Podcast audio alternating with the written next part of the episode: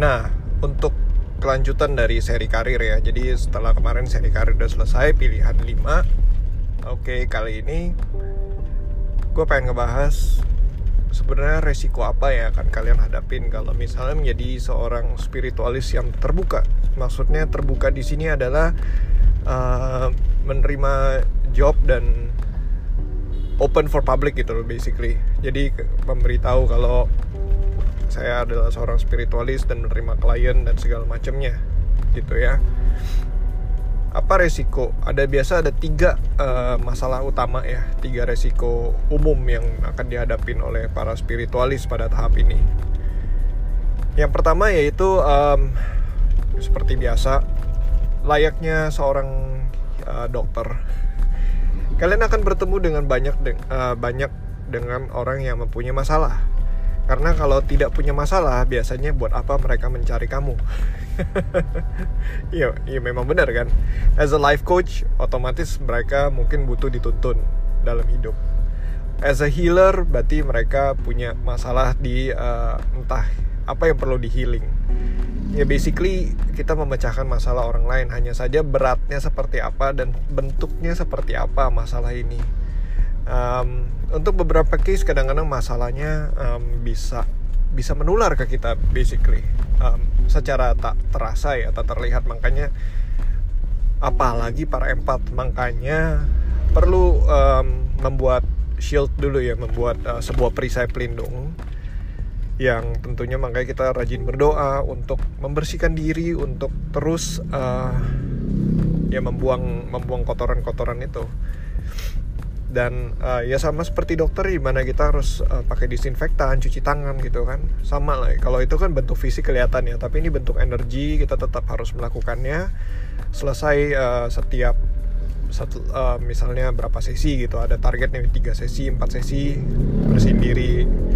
Ada beberapa spiritualis yang saya sempat tahu bahwa mereka hanya menerima berapa klien gitu dalam sehari. Mereka memang ada ada batasnya. Misalnya cuma sampai dari pagi praktek dari jam 7 sampai jam 2 siang atau dari jam 8 sampai jam 2 siang. Setelah itu mereka berhenti untuk conserve energi untuk juga membersihkan diri. Ya jadi itulah resiko umum yang pertama. Nah resiko umum yang kedua adalah mengundang sirik dan juga uh, serangan dari orang lain. Ini biasanya cukup dihadap cukup banyak dihadapin oleh para ghostbuster ataupun magic buster ya ini sering banget dihadapin oleh mereka. Um, karena gimana ya apalagi setelah kita membersihkan sebuah uh, atau melindungi seorang klien yang ternyata menjadi korban uh, serangan ya. Jadi tentunya si yang menyerang gitu sang pemesan mungkin bisa aja nggak senang dan memesan ya dalam bahasa ini dalam konteks ini kata-kata pesan itu lo orang ngerti lah ya. Kalian ngerti lah ya. Maksud gue apa? Gitu. Basically pesanannya akan terus dipesan lagi gitu. Sampai orang ini tumbang atau sampai orang ini bosan. Iya makanya sering cukup dihadapin oleh para Magic Buster, uh, Ghostbuster, Master, seorang Master juga sering menghadapi hal ini. Atau kadang-kadang juga hanya sirik aja gitu sirik melihat orang lain lebih sukses mereka ingin uh, spiritualis lain spiritualis lain lebih sukses padahal merasa kayak eh ilmunya padahal cetek ah ayo kita coba deh kita tes. Sering banget kayak gitu. Sering itu kejadian seperti itu. Nah itu resiko umum kedua. Untuk resiko umum ketiga adalah mengundang stigma masyarakat.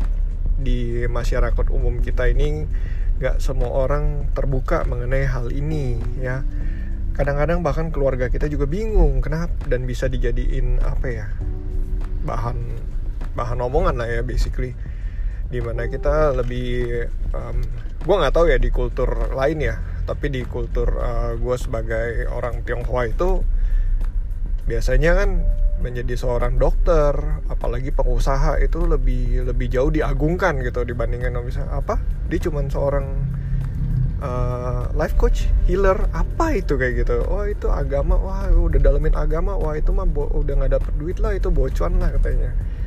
Udah apa karena fokus orang Tionghoa tahu sendiri lah ya kebanyakan uh, kita mengumpulkan wealth ya materi uh, kekayaan kekayaan secara materi ya.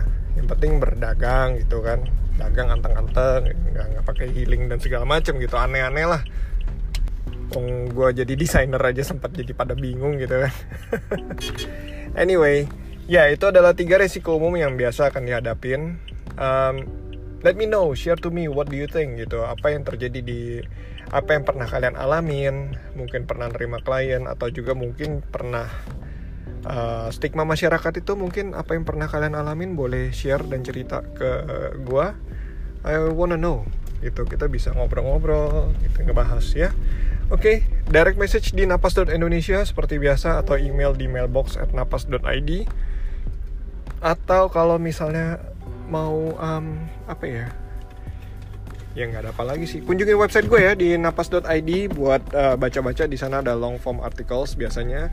I need a contributor kalau memang misalnya ada yang mau berkontribusi.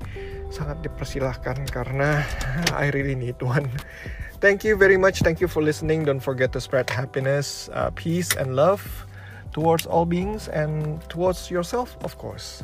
So bye bye see you next episode